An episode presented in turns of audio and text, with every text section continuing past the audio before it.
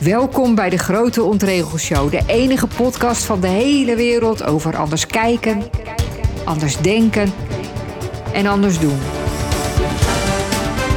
Ik ben Jeannette van Dijk en ik neem je heel graag mee op de Grote Ontregelreis. Want dan komen we waar we nog niet waren, maar waar we wel willen zijn.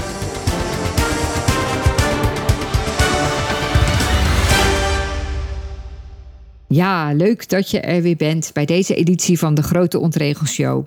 Ik neem je mee naar IJsland, naar de wonderenwereld van human design, naar iets wat succesvolle mensen doen, naar een van mijn favoriete guilty pleasures en ehm, ja, naar iets wat verwijst naar mijn uh, grotere why.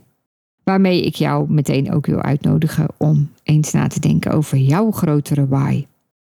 En er is ook een coachingstip. Ja, best wel mooi, vind ik zelf. Kortom, van alles en nog wat in deze aflevering van de Grote Ontregelshow. Vandaag gelezen. Ik neem je even mee naar IJsland. Overigens een van de landen die hoog op mijn lijstje staat om ooit nog eens een keer naartoe te gaan. Wat is er gebeurd in IJsland? In IJsland is besloten om een kortere werkweek in te voeren.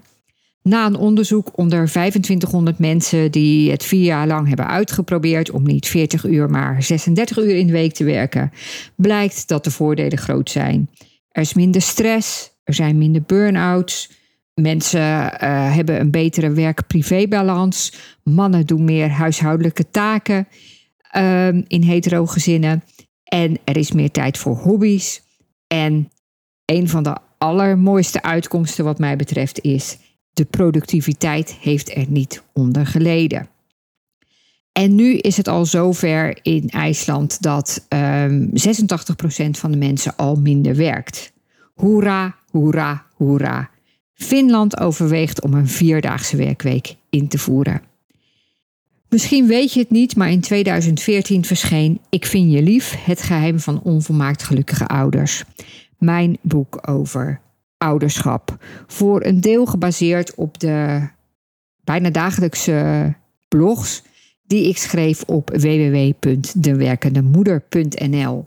Dat deed ik van 2006 tot ongeveer 2014 en dat vond ik heel erg leuk om te doen. En ja, dat was gewoon heel leuk. Maar ik was toen zoveel bezig met opvoeden, met uh, kinderen, met ouders, met werkende moeders, met de verdeling, uh, privé werkend leven en zo.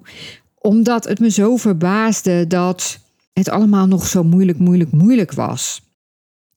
Ik dacht, wanneer wordt dit makkelijker? Wanneer wordt het normaler dat vrouwen werken? Wanneer wordt er niet zoveel gedoe over gemaakt? Want ik vond het zelf helemaal niet zo'n gedoe. Ik was al lang blij dat ik kon werken. Dat ik niet in de jaren 50 leefde en de hele dag aan het wassen was en aardappelen schillen en maar aan het wachten was tot mijn man thuis kwam met zijn leuke verhalen van zijn werk, die ik eigenlijk had willen vertellen. Maar ik zag om me heen dat het gewoon een enorme struggle was en dat er ook heel erg strukkelend over werd gepraat. Maar doordat ik zo met dat onderwerp bezig was, ging ik er wel over nadenken van, ja, hoe zit dat nou eigenlijk in elkaar? En toen, toen vroeg ik me al heel vaak af, waarom is de 40-urige werkweek, en die is misschien inmiddels misschien wel de 38-urige werkweek hoor in Nederland, waarom is dat zo de norm? Want dat maakt het zo ingewikkeld om juist die eerlijke verdeling te doen. En toen had ik al in dat boek dus het voorstel gedaan om een zesurige werkweek in te stellen. Want dacht ik, dan is het veel makkelijker om voor mannen en vrouwen om carrière te maken. Dan is er een betere verdeling tussen werk en privé. Dan zitten mensen minder te tobben met uh, kinderopvang en wie haalt de kinderen op en wie blijft er thuis als er iemand ziek is en dat soort dingen. En dan zijn er ook minder, minder files en zo, want hoeven we niet per se met z'n allen om, om acht uur te beginnen tot vijf uur. Ik zag er allemaal voordelen van. En ik voelde al lang dat de productiviteit er helemaal niet minder groot door zou worden. En dat komt omdat ik zelf op een gegeven moment, toen ik. Toen onze oudste dochter was geboren, heb ik nog een tijdje vijf dagen per week gewerkt. Maar later ging ik vier dagen werken. En ik dacht, ik doe gewoon evenveel als iemand die vijf dagen werkt. Dat was zo. Dat is niet omdat ik nou een superwoman ben, wel een beetje natuurlijk. Maar ik wist gewoon dat maakt niet uit in de productiviteit. Want als je vijf dagen werkt, kun je dus ook dingen makkelijker over vijf dagen uitsmeren. Ik geloofde er geen bal van dat je meer deed als je vijf dagen werkte. Ook omdat je dan, ja, het gaat natuurlijk vooral als je. Ik werkte op een redactie met, met, met, uh, waarbij je met z'n allen in één grote ruimte werkt. Er gaat gewoon best wel veel tijd verloren aan een beetje met elkaar babbelen en wat wetenswaardigheden uitwisselen. En dat is helemaal niet erg, want ik denk dat dat ook nodig is voor team spirit. En nou ja, dat je even een pauze neemt om daarna weer, weer lekker door te gaan en zo. Maar goed, ik ben dus super blij dat in IJsland uh, ook een onderzoek is gedaan waaruit blijkt dus dat de productiviteit helemaal niet achteruit gaat als je minder werkt. Dat haalt ook een beetje het, het, het, het ding af van dat vrouwen altijd maar parttime willen werken. Wat is parttime? Wie heeft ooit bedacht dat we acht uur moeten werken, vijf, acht dagen, acht uur moeten werken op vijf dagen, dat dat fulltime is? Waarom? Het is ook maar door iemand bedacht en wij zijn dat als norm gaan zien.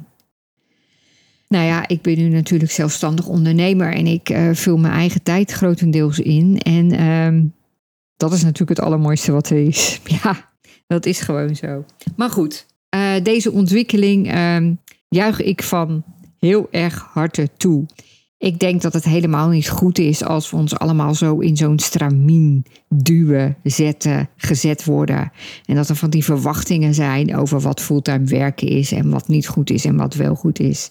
Terwijl het is natuurlijk ook persoonsafhankelijk, maar ik geloof ook dat iemand in drie dagen hetzelfde werk kan doen als iemand anders in vijf dagen. Weet je, daar gaat het allemaal helemaal niet om. Ja, het was trouwens, ik heb gezegd van 36 of dat ze van 40 naar 36 of 38 uur gingen, maar dat was niet waar. Ze gingen vijf uur minder werken, van 40 uur naar 35, 36 uur. Ja, ik uh, vind het een heel mooi. Uh, ik vond het een heel mooi bericht dat ik vandaag heb gelezen. Dit is Human Design.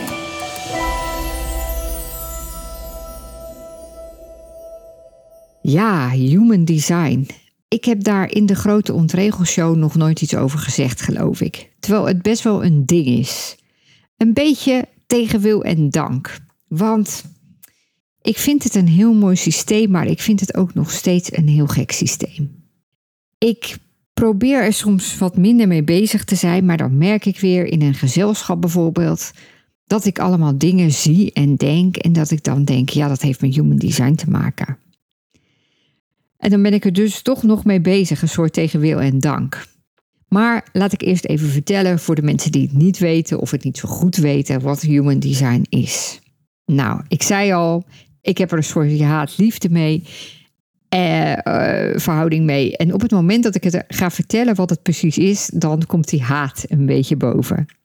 Human design is een systeem dat bestaat uit oude wijsheden en nieuwe wetenschap. De oude wijsheden zijn astrologie, I Ching, de chakra's en Kabbalah. En dat is gecombineerd met de moderne kwantumfysica, die ongeveer 30 jaar geleden heeft uitgevonden dat de kleinste deeltjes niet atomen zijn, maar nog kleinere deeltjes die voorkomen in alle dingen in het heelal. Dus in sterren, planeten, maar ook in ons. Wij zijn gemaakt van dezelfde stof als de sterren.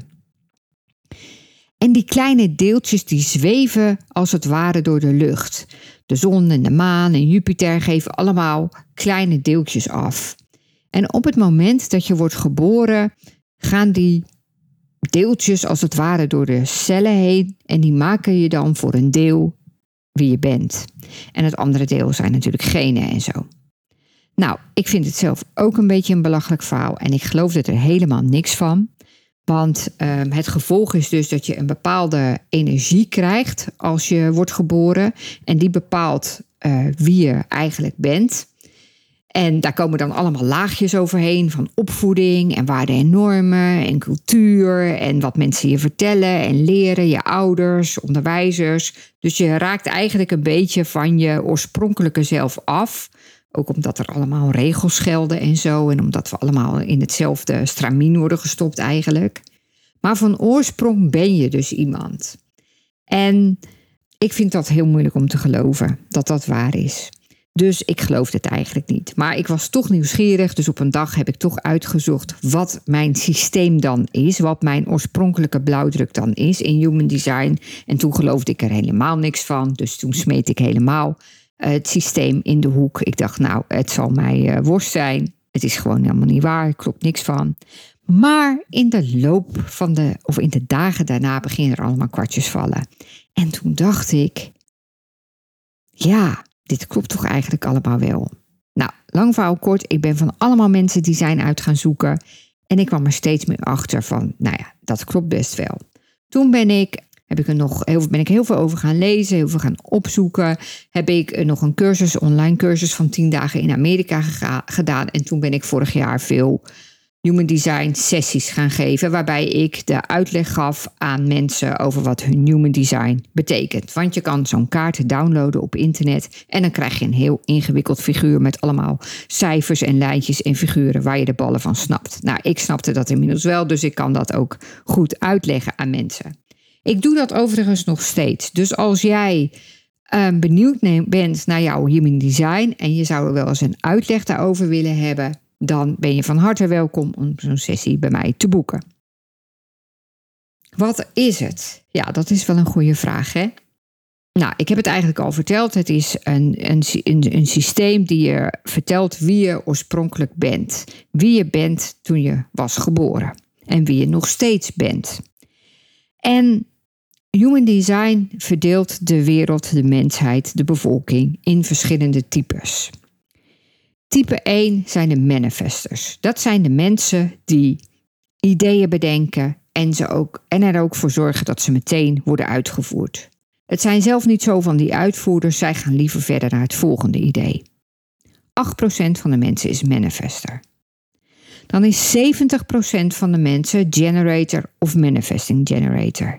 En dat betekent dat zij dat het voor hun heel belangrijk is wat voor werk ze doen, want zij zijn de werkers de bouwers, de uitvoerders. Dus je begrijpt al, voor hun is het heel belangrijk dat ze werk doen dat goed bij ze past, waar ze voldoening bij voelen, vervulling bij voelen. Want werk is heel belangrijk voor ze.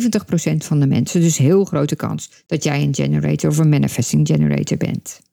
20% van de mensen zijn projector. En een projector is eigenlijk uh, op de wereld om al die bouwers, al die generators en manifesting generators te helpen om zo effectief mogelijk te helpen. Zij zijn de gidsen, de adviseurs, de coaches. 1% van de mensen is reflector. Dat zijn hele open mensen die heel goed, heel veel wijsheid in zich hebben en heel goed kunnen zien wat werkt en niet werkt. Als je het vergelijkt met een toneelproductie, dan zou je grote theaterproductie, weet je wel, zoiets als de Soldaat van Oranje of zo, dan kan je zeggen, nou, dus een manifester heeft het bedacht. Die heeft op een dag gezegd, we gaan dat doen. Ik heb dit idee en we gaan het doen. De manifester generators en de generators zijn de bouwers, dat zijn de podiumbouwers, de uh, acteurs, de liedjeschrijvers, de mensen van het licht en het geluid, de mensen die het uitvoeren. De projectors zijn de regisseurs. En de reflectors zijn de mensen die het proces evalueren of bijvoorbeeld een recensie maken.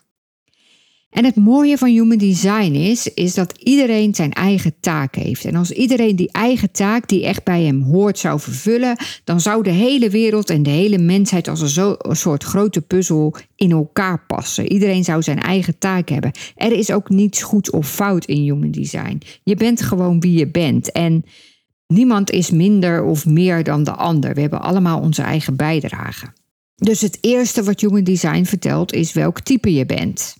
En dat is heel handig om te weten, want als je bijvoorbeeld geen manifesting generator of generator bent, dan heb je niet zoveel energie. Want de generators en de manifesting generators zijn de enige, er zijn wel 70% van de mensen, die een energiemotor hebben die altijd aanstaat. Dus zijn, leuk berichtje naar de vorige, uh, het vorige onderwerp.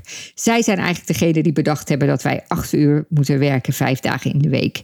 Want zij kunnen gaan, gaan, gaan als ze werk doen dat ze vervulling geeft. Maar projectors, manifestors en reflectors, die hebben niet zo'n voortdurende energiebron. Dus die zijn veel meer gebaat bij korter werken. En dan niet dat ze dan minder doen, want zijn zij juist heel efficiënt.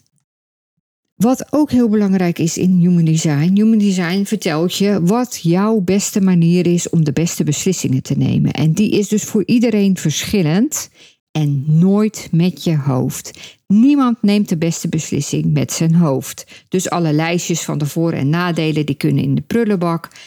Voor 50% van de mensen geldt dat het voor hun goed is om voor belangrijke, over belangrijke besluiten een paar nachtjes te slapen. Minstens één, maar liever nog twee of drie. Voor 50% van de mensen geldt dat. Dat zijn mensen die een, uh, zoals dat in Human Design heet, een gedefinieerd emotiecentrum hebben. En dat betekent dat je altijd een gevoel hebt. 50% van de mensen heeft altijd een gevoel en dat gaat een beetje in golven op en neer. Dat betekent dus ook dat de andere 50% dat niet heeft.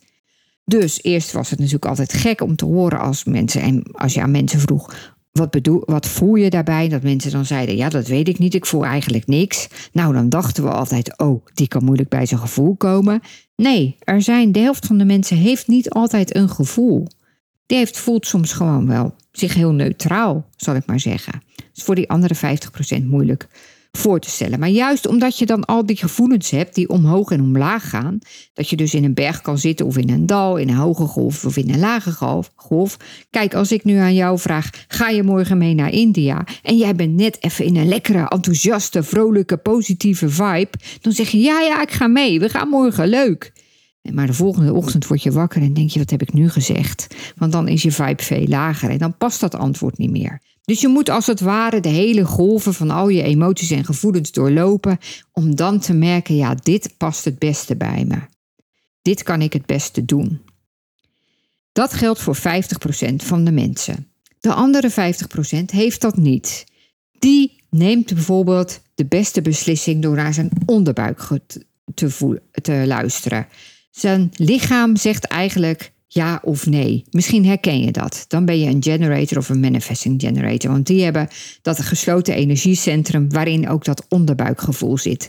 Dat, dat die lichaamsreactie van ja, dat wil ik. Of hmm, nee, dat wil ik niet. Of hmm, ik weet het nog niet. Moet je maar eens op letten. Op, of te kijken of jij dat hebt. Er zijn ook mensen die nemen de beste beslissing met een intuïtie. Een subtiel verschil bij een ja of een nee, dan zegt je lichaam eigenlijk echt heel erg duidelijk voor jou. Dat kan jij horen of merken, omdat je lichaam een bepaalde kant op gaat, ja of nee. En intuïtie is een heel kort tekentje dat je ook je lichaam geeft, maar het is heel kort. En je moet er heel bedachtzaam op zijn of je het hoort. Want het is ook zo weer weg. Dus als jouw uh, belangrijkste manier om beslissingen te nemen is met je intuïtie, dan, dan moet je heel erg oefenen om daarnaar te luisteren. Je hebt ook mensen die hun hart moeten volgen. Je hebt ook mensen die de beste beslissing nemen door er met anderen over te praten. Niet omdat ze dan allerlei adviezen krijgen, maar omdat ze zichzelf dan, ze hebben een klankbord nodig tegen wie ze praten en dan horen ze zelf wel, dan komen ze er zelf achter, oh dat moet ik doen. En je hebt ook mensen die moeten juist tegen zichzelf praten. Die moeten tegen zichzelf een verhaal vertellen en dan komen ze er wel uit. Ja, grappig hè? Ja, het is niet voor niks dat ik het uh, echt enorm gefascineerd ben door uh, human design. Met dan weer de kanttekening dat ik het ook ingewikkeld vind. Niet ingewikkeld om het te begrijpen, hoewel het ook weer niet een heel eenvoudig systeem is, maar ingewikkeld om te aanvaarden en te geloven dat het zo is. Nu heb je ook in je kaart kanalen, en dat zijn een soort thema's in je leven of talenten. En ik heb dan weer een kanaal, dat zit ergens bovenin, maakt verder niet uit. Maar dat is een soort kanaal van logica, dat je dus heel erg logisch denkt en zo, en alles logisch wil verklaren. En dan staat, stond daar letterlijk in, als jij dit kanaal hebt, dan heb je waarschijnlijk de designs van heel veel mensen uitgezocht voordat je kon accepteren dat er wat in dit systeem zat, dat het misschien wel waar kon zijn. En dat was precies wat ik had gedaan. Dus toen ik dat las, toen dacht ik weer van, oh ja, zie je wel, dit is, um, dit kan, dit, dit, dit, ik geloof het nog steeds niet, maar het is wel waar. Nou, je type en de manier waarop je beslissingen neemt zijn eigenlijk de belangrijkste dingen die je hebt in human design. Maar er zijn er nog veel meer. Thema's, dingen die je belangrijk vindt, talenten, de manier waarop je het beste werkt. Bijvoorbeeld, het kan zijn dat je leert door te experimenteren en uit te proberen. Dat je iemand bent die ehm, heel veel informatie uh, overal altijd wil weten. Of dat je iemand bent die een beetje een kluizenaar is, die zich graag terugtrekt. Of juist een netwerker, die bijvoorbeeld klanten en kansen en werk allemaal uit zijn netwerk kan halen. Of je bent, uh, dat ben ik, een soort. Um, ik ben iemand die uh, leert door te experimenteren, leren van fouten, steeds nieuwe dingen uitproberen. Nou, iedereen die mij kent, die weet dat ik constant nieuwe dingen aan het uitproberen ben. Maar ik ben ook een vijf en dat betekent dat je uh, een beetje een probleemoplosser bent. Mensen komen snel naar je toe als ze een probleem gefixt willen hebben. En ook een soort mentor en een teacher, iemand die dingen goed kan uitleggen. Nou, dat doe ik nu ook met Holland's Next Top Coach, het programma waarin ik business coach en coaches en experts leer om nog beter te coachen. Dan moet ik natuurlijk veel uitleggen. Is me op het lijf geschreven. En het is vooral ook een energiesysteem. Het laat zien waar jouw energie vastzit, op welke punten. Bijvoorbeeld um, in je intuïtie, of in je energie, of in je zelfliefde, of in je doorzettingsvermogen, of in je gevoelens, of in je stress, hoe je met stress omgaat. En hoe mensen dan ook weer op elkaar reageren. Want als jij. Jij kan bijvoorbeeld iemand zijn die, die heel veel energie aan anderen geeft. En, en andere mensen kunnen ook weer een soort energie uit jou halen. Je kan heel openstaan voor de energie van anderen. Waardoor je bijvoorbeeld na een groepsbijeenkomst of zo helemaal uitgeput bent. Omdat je al die energie van die mensen allemaal met je meeneemt. Er zit er heel veel in. En ja, wat ik al zei, uh, ik ben er nu wat minder mee bezig dan vorig jaar. Omdat ik ook dat andere programma heb. En. Uh, ik, ik doe het nog wel. Toevallig heb ik morgen ook weer een, uh, iemand die komt voor een human design sessie. En aan de ene kant denk ik soms, nou, ik ben er wel een beetje klaar mee. Maar aan de andere kant zie ik ook zoveel dingen gebeuren dat ik denk, ja, dit is, dit is human design. En dan helpt het zo goed om jezelf beter te snappen. Want dat vind ik het mooie van het systeem. Ineens begrijp je jezelf veel beter. Maar je begrijpt ook andere mensen veel beter. Je partner, je collega's, je klanten. Dat is echt super. En het helpt je ook om, om te doen wat echt bij je past, waar je je goed bij voelt, omdat het bij je design hoort, bij je blauwdruk. Uh, dus dat is mooi.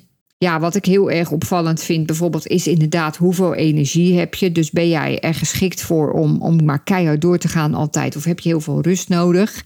Heb je veel tijd voor jezelf nodig? Dat komt er ook heel erg uit. Heel veel mensen hebben een tijd en, en zelfs ook een ruimte in huis voor zichzelf nodig om optimaal te kunnen functioneren. Daar gaan we vaak aan voorbij. Dus dat zijn allemaal dingen die, die, ja, die je helpen om het leven en jezelf en anderen beter te snappen. En daarom vind ik het zo mooi.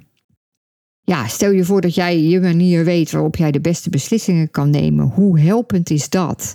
Voor mij is het bijvoorbeeld ook één of meerdere nachten erover uh, te slapen. En ik hoor van veel mensen die dat niet hebben, dat ze het altijd zo ingewikkeld vinden dat andere mensen niet meteen een besluit kunnen nemen omdat zij bijvoorbeeld dat onderbuikgevoel hebben dat het vertelt, of hun intuïtie. Ja, dan is het heel moeilijk om te begrijpen dat andere mensen zeggen: Ja, ik moet er nog een nachtje over slapen. Tot je weet, hé, hey, zij hebben een andere design. Dat past bij hun design. En het is allemaal goed. Het is allemaal goed, want iedereen heeft zijn eigen taak. Nou, je design vertelt je dus veel meer nog dan wat ik je nu allemaal vertel, maar ook bijvoorbeeld je levensdoel of de weg naar waar je levensdoel naartoe gaat. En dat kan heel concreet zijn. Ik geef heel vaak het voorbeeld van een vrouw die ook een sessie kwam doen en die is coach en die twijfelde erg ja, een beetje niet erg, maar die dacht van ja, welke kant zal ik opgaan? En ze zei van ja, ik vraag me wel eens af, zal ik iets met relatiecoaching uh, gaan doen? Nou, ze kwam die uh, Human Design sessie doen en toen uh, was dus haar levensdoel, je bent hier op aarde om relaties te verbeteren. Ja, dat is wel heel opvallend. En soms is het wat ingewikkelder, dan is het niet zo heel duidelijk. Want er zijn 192 verschillende doelen en natuurlijk veel meer mensen. Dus je begrijpt wel dat het niet altijd een pasklaar antwoord geeft, maar het geeft wel een richting waar je naartoe kan gaan. En uh, mijn levensdoel is dus om mensen eigenlijk te helpen om anders te denken. Nou ja, dat, dat, dat, dat wist ik dus helemaal niet toen ik de Grote Ontregelshow als lezing bedacht. Toen ik de on, Grote Ontregelshow als podcast bedacht. En ik kan ook heel goed de verbinding leggen met coachen. Want um, coachen is eigenlijk ook ontregelen, anders denken. Want als je, altijd blijft denken zoals je nu denkt, dan, dan ga je je doel niet bereiken. Want dan blijf je een beetje hangen. Of heel vaak is het natuurlijk ook zo dat we onszelf verhalen vertellen. Terwijl je jezelf ook een ander verhaal kan vertellen, waardoor je ehm, ja, dingen wel durft en gaat doen. Ontregelen is anders kijken, anders denken en anders doen. En dat is precies eigenlijk wat je met coachen ook doet. Je leert mensen om bewust te worden van de patronen waar ze in zitten of de niet helpende gedachten. Je leert ze om anders te kijken naar zichzelf en naar andere mensen. En je leert ze vooral ook om anders te doen. Want pas als je andere actiestappen gaat zetten, als je het anders gaat doen, dan kom je waar je wilt zijn. Dus nou ja, dat was even um, een uh, korte inleiding, die best lang was, haha, over human design. En uh, ja, nogmaals, als ik je nieuwsgierig heb gemaakt, dan um, ja, neem dan uh, contact met me op. Ik ga met alle plezier samen met jou kijken naar je human design. En ik beloof je dat je dingen zult herkennen, maar ook verrast zal worden. En dat je jezelf beter snapt en anderen ook. De ondraaglijke lichtheid van het ontregelen.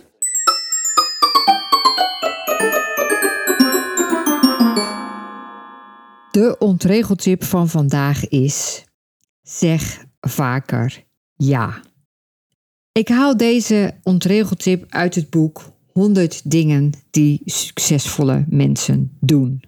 Slim werken en prettig leven van Nigel Cumberland. En een van de dingen is ja zeggen. Je kunt denken aan de uitspraak dat je vaak geen spijt hebt van de dingen die je hebt besloten om te gaan doen, maar veel meer van de dingen die we niet doen. Dus zeg in plaats van misschien, ja maar, ik weet het nog niet, zeg eens vaker ja. Volgens het boekje 100 dingen die succesvolle mensen doen, zeggen succesvolle mensen ja als andere mensen nee zeggen. Met ja onderscheid je je, ben je de optimist, is het glas vol, trek je andere mensen aan. Als je ja zegt, ben je bereid om nieuwe dingen te doen, om nieuwe mensen te ontmoeten, om het verschil te maken. Wat doe jij als je een kans krijgt aangeboden? Zeg je ja of hou je het liever bij het andere? Wat zeg jij als je partner voorstelt om eens iets heel anders te gaan doen? En het gaat er volgens het boekje om dat je je daarvan bewust bent. Dat dat niet meer je automatische reflex wordt, maar dat je erbij stilstaat. Hé, hey, op dit soort dingen zeg ik meestal nee. En wat nu als ik op die dingen ja ga zeggen? Want het is natuurlijk vaak ons ego, daar heb je hem weer, die ons tegenhoudt om nieuwe dingen te doen. Die stem in je hoofd die zegt, nou ja, allemaal zo'n gedoe, laten we maar dat andere doen, want dat ben ik nu eenmaal gewend. Ja, nou ja, ik ga dat maar niet doen, want wie weet loopt het verkeerd af. En ik heb het trouwens ook heel druk en ik heb het nog nooit gedaan. En ja, ik ben ook helemaal tevreden met hoe het nu gaat. Dat is ons ego die ons op bij het oude en vertrouwde wil laten, omdat dat veilig is. Ons ego is bang voor nieuwe dingen, want die zijn eng en die brengen bepaalde risico's met zich mee. En we zijn heel erg geneigd om daar naar te luisteren. Maar wat nou als je daar niet naar luistert? Want het zijn allemaal dingen die nog helemaal niet bewezen zijn. Het is nog niet bewezen dat het niet leuk wordt. Het is nog niet bewezen dat het spannend wordt. Het is nog niet bewezen dat je het helemaal niet kan. En als je luistert naar je ego en als je nee zegt, dan laat je misschien wel supermooie kansen op supermooie ervaringen lopen. En succesvolle mensen doen dat niet. En ja, dan kom ik weer even terug bij die uitspraak van dat we eerder spijt hebben voor dingen die we niet, van dingen die we niet hebben gedaan dan van dingen die we wel hebben gedaan. En spijt voorkom je dus als je ja zegt. We maken de negatieve dingen ook, kanten van zo'n beslissing ook vaak groter dan ze zijn. En in dat boekje zeggen ze dus: stel jezelf de volgende keer als je weer een belangrijke vraag hebt of iets, een uitdaging waar je ja op nee kan zeggen, stel jezelf dan de volgende vragen. Zou je niet het allerliefst gewoon ja zeggen? ga je er later spijt van krijgen als je nee zegt. En wat is het ergste dat er kan gebeuren? Wat heb je te verliezen? Dus zou je niet het allerliefste gewoon ja zeggen? Ga je er later spijt van krijgen als je nee zegt? En wat is het ergste dat er kan gebeuren? Wat heb je te gaan verliezen? Nou, ik stel me zo voor dat je die vragen dan niet gaat onthouden voor de volgende belangrijke beslissing. Maar ik hoop dat je wel gaat denken aan deze ontregeltip. Aan de ontregeltip die zegt: onze automatische piloot, ons ego, zegt vaker dan ons lief is nee op dingen die we misschien eigenlijk beter wel zouden kunnen doen. Die ons, omdat ze ons gewoon gelukkiger maken, nieuwe ervaringen geven, uh, iets opleveren wat we nog niet hadden. Dus mijn ontregeltip van vandaag is: eigenlijk zeg ja, want dat is wat succesvolle mensen veel vaker doen. Maar misschien moet ik het iets makkelijker maken. Zeg niet zo snel nee, maar denk er nog eens over na. Wil je dit echt? Wat kan er gebeuren als je ja zegt? Of praat er met andere mensen over? Ja.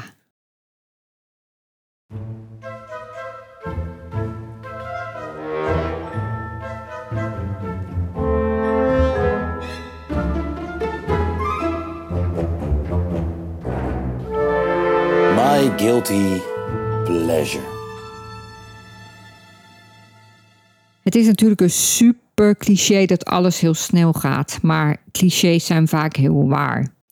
En ik merk het nu, nu mijn dochters 19 en bijna 17. De jongste wordt, is bijna 17. Waarschijnlijk als, ja, als, deze pod, als je deze podcast luistert, is ze waarschijnlijk al 17. En ja, ik kan alleen maar zeggen, wat is het hard gegaan. En ja, wat gaat het ook ineens? Ineens zijn ze zo half volwassen of zo. En ineens zie je ze minder vaak. Nu hebben ze allebei ook dikke verkering.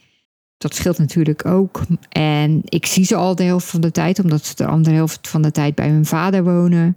Maar het gaat zo hard. En toen moest ik denken aan het gedicht Vertrek van Dochters van Rutger Kopland. Het is een van mijn favoriete guilty pleasures. Vertrek van dochters. Ze moesten inderdaad gaan. Ik had het gezien. Aan hun gezichten die langzaam veranderden, van die van kinderen in die van vrienden, van die van vroeger in die van nu. En gevoeld en geroken als ze me kusten, een huid en een haar die niet meer voor mij waren bedoeld, niet zoals vroeger, toen we de tijd nog hadden. Er was in ons huis een wereld van verlangen, geluk, pijn en verdriet gegroeid. In hun kamers waarin ze verzamelden wat ze mee zouden nemen, hun herinneringen. Nu ze weg zijn, kijk ik uit hun ramen en zie precies datzelfde uitzicht. Precies diezelfde wereld van twintig jaar her, toen ik hier kwam wonen. Coachtip. Alles wat je toelaat zal jou loslaten. Deze zin hoorde ik een tijdje geleden in een, uh, hoe heet het ook alweer, zo'n gesproken begeleide meditatie van Tijn Tauber. Die ik ook wel eens iemand Tijn Toeber heb horen noemen. Ik zeg Tijn Tauber. Ik weet eigenlijk niet precies hoe die heet. Maar ik heb geloof ik al vaker gezegd, ik vind dat hij een hele fijne stem heeft om uh, begeleide meditaties mee te doen. Alles wat je, wat je toelaat zou jou loslaten. En die zin die liet mij niet los. Ik denk dat wat ik heel vaak zie gebeuren is dat we een bepaald gevoel hebben over iets en niet goed weten wat we daarmee moeten. Bijvoorbeeld, uh, je zit op iets heel spannends te wachten. Je hebt uh, uh, bijvoorbeeld ehm, ehm, of je een nieuwe baan zal krijgen, of je een nieuwe klant zal hebben, die een hele grote klant. En dan moet je wachten op die uitslag en dan vind je dat heel spannend. En dan erger je je eigenlijk aan van dat je er zo over in zit. Want de wereld vergaat niet als het niet doorgaat. En waar maak je je allemaal zo druk over? En of iemand heeft iets tegen je gezegd en daar ben je een beetje van slag van. En ja, het is jouw patroon om daarvan van slag te raken. En dat heb je zo vaak en dan ben je eigenlijk zat en dat wil je niet meer. Of uh, je vindt iets heel spannend om te gaan doen en ook dat ja, daar ben je nu toch oud genoeg voor. Waar maak je je zo druk over? Het zijn allemaal oordelen die we hebben. En ik denk dat, ehm, en misschien merk je dan ook wel als je het met andere mensen erover hebt, dat mensen dan heel vaak gaan zeggen van, oh ja, nou ja, weet je, misschien kan je dit doen, of misschien kan je dat doen, of nou ja, dat helpt, of heb je er al zo naar gekeken, dan is het vast minder erg. We gaan het ook heel vaak proberen uh, op te lossen, minder erg te maken. Um, ja, weet je, we kunnen er eigenlijk niet goed tegen dat we dat hebben. We hebben er last van, we hebben er een oordeel op zitten, we willen het niet. En Tijn Tauber zegt: Alles wat je toelaat, zal jou loslaten. En ik denk dat we meer mogen toelaten. Dat we mogen zeggen tegen onszelf: Ik vind dit rete spannend. Ik vind dit reuze eng. Ik bouw hier heel erg van. Ik vind dit echt super jammer. Ik ben hier teleurgesteld over. En op het moment dat je dat toelaat, dan laat het jou los. Je zult merken als je dat doet, dat je je al meteen een stuk lichter voelt, een stuk opgeluchter, dat er al een last van je schouders is afgevallen, dat je alweer meer in staat bent om iets anders te gaan doen, dat je er al meer mee minder mee bezig bent, dat het jou loslaat, omdat jij het toelaat. Alles wat je toelaat, zal jou loslaten.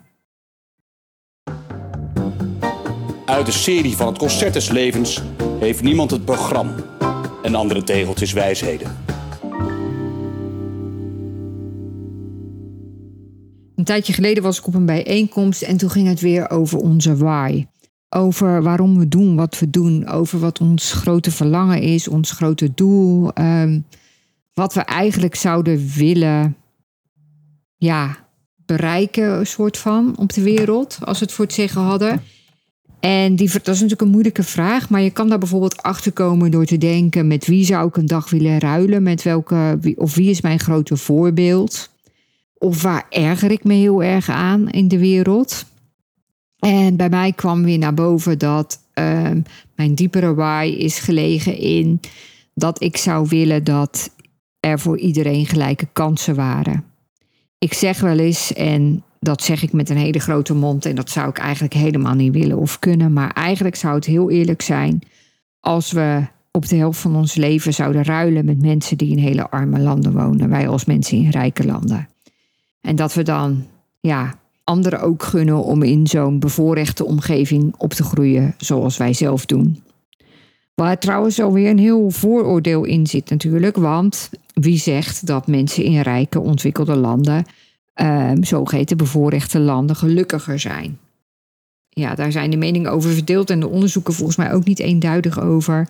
Maar het is in elk geval wel duidelijk dat de kansen van iedereen niet even groot zijn. En dat komt natuurlijk bij mij ook ergens vandaan. Ik ben in een gezin opgegroeid waarin um, het niet normaal was dat je ging studeren. Ehm, mijn ouders hebben allebei, terwijl ze volgens mij allebei best wel heel erg slim zijn. Uh, mijn vader heeft de lagere school niet eens afgemaakt en mijn moeder heeft nog iets van avondschool gedaan of zo. Ik kom uit een familie, uit een gezin, uit een achtergrond waarin doorleren helemaal niet zo gewoon is. En dat heeft mij in bepaalde, op een bepaalde manier gevormd. Daardoor heb ik denk ik sommige kansen niet kunnen pakken. En dat heeft waarschijnlijk ook met mijn eigen karakter te maken. Dat ik best wel um, mij voegde in wat er voor mij werd bepaald op een bepaalde manier. Dat rebelse kwam pas veel later. Dat heb ik allemaal opgespaard toen.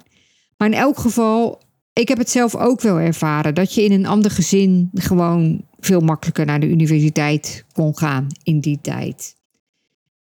Dus ik zie het op een, op een zeg maar groot wereldniveau van dat de plaats waar je geboren wordt heel erg maakt van um, welke kansen je hebt, maar ook het gezin of de achtergrond. En um, ja, niet iedereen heeft gewoon gelijke kansen. En ik heb mijn eigen voorbeeld genomen en daar voel ik me ook alweer een beetje bezwaard over, want ik ben natuurlijk uiteindelijk toch een heel, heel, heel bevoorrecht mens. Maar dat is wel wat mij ten diepste drijft. Dat ik mensen gun, alle mensen de beste kansen gun. Maar dat ik iedereen ook gun om het beste uit zichzelf te halen. En dat ik graag daar een steentje aan bij wil dragen. En dan is daar nog een stapje in verder of terug. Dat weet ik niet precies. Maar dat het mij zo treurig maakt dat het nog steeds niet zo is dat vrouwen, jonge vrouwen, dezelfde kansen hebben als mannen. Dat um, vrouwen voor hetzelfde werk nog steeds minder betaald krijgen. Dat vrouwen nog steeds minder in leidinggevende functies zitten dan mannen. Dat het voor vrouwen nog steeds normaler is om minder te gaan werken dan voor mannen. Dat ze nog meer in het huishouden doen. Um, en prima als je dat allemaal wil, maar niet iedereen wil dat. En als je dat niet wil en dus als vrouw carrière wil maken, ambitieus wil zijn, niet de grootste taken in het huis wil doen, dan is dat gewoon nog best wel lastig. Ik merk het, en ik heb twee dochters en die zijn allebei ook, um, nou ja, maakt niet uit. Maar ik weet gewoon al dat zij ook al minder kansen hebben op, nou ja, bepaalde dingen. Dus dat is uh, wat mij drijft, wat mij raakt, wat mijn diepere why is. Um, voor zover ik daarbij kan. Ik ben ook heel benieuwd wat dat bij jou is, maar bij mij is dat dit. En daarom is een van mijn favoriete boeken Rise Sister Rise van Rebecca Campbell. En mijn levenswijsheid van vandaag, mijn tegeltjeswijsheid, komt uit dat boek. En de tegeltjeswijsheid van vandaag luidt. There were no ropes strong enough to keep her spirit bound. Ja, zet die maar op een tegeltje. Dat was het weer voor vandaag. De Grote Ontregelshow, editie, ik weet niet precies. Heel leuk dat je weer hebt geluisterd. Ik waardeer het enorm. Um, ik vind het ook leuk als je wat laat horen. Als je wilt laten weten hoe je uh, deze aflevering vond. Je helpt me ook als je een uh, review achterlaat op de iTunes podcast app van Apple. Want dan word ik iets sneller gevonden. Uh, de grote ontregelshow is nog best wel onbekend. Maar nou ja, jij was er en ja, dat waardeer ik enorm. En heel graag tot de volgende keer. En ik zou zeggen, ontregel het een beetje.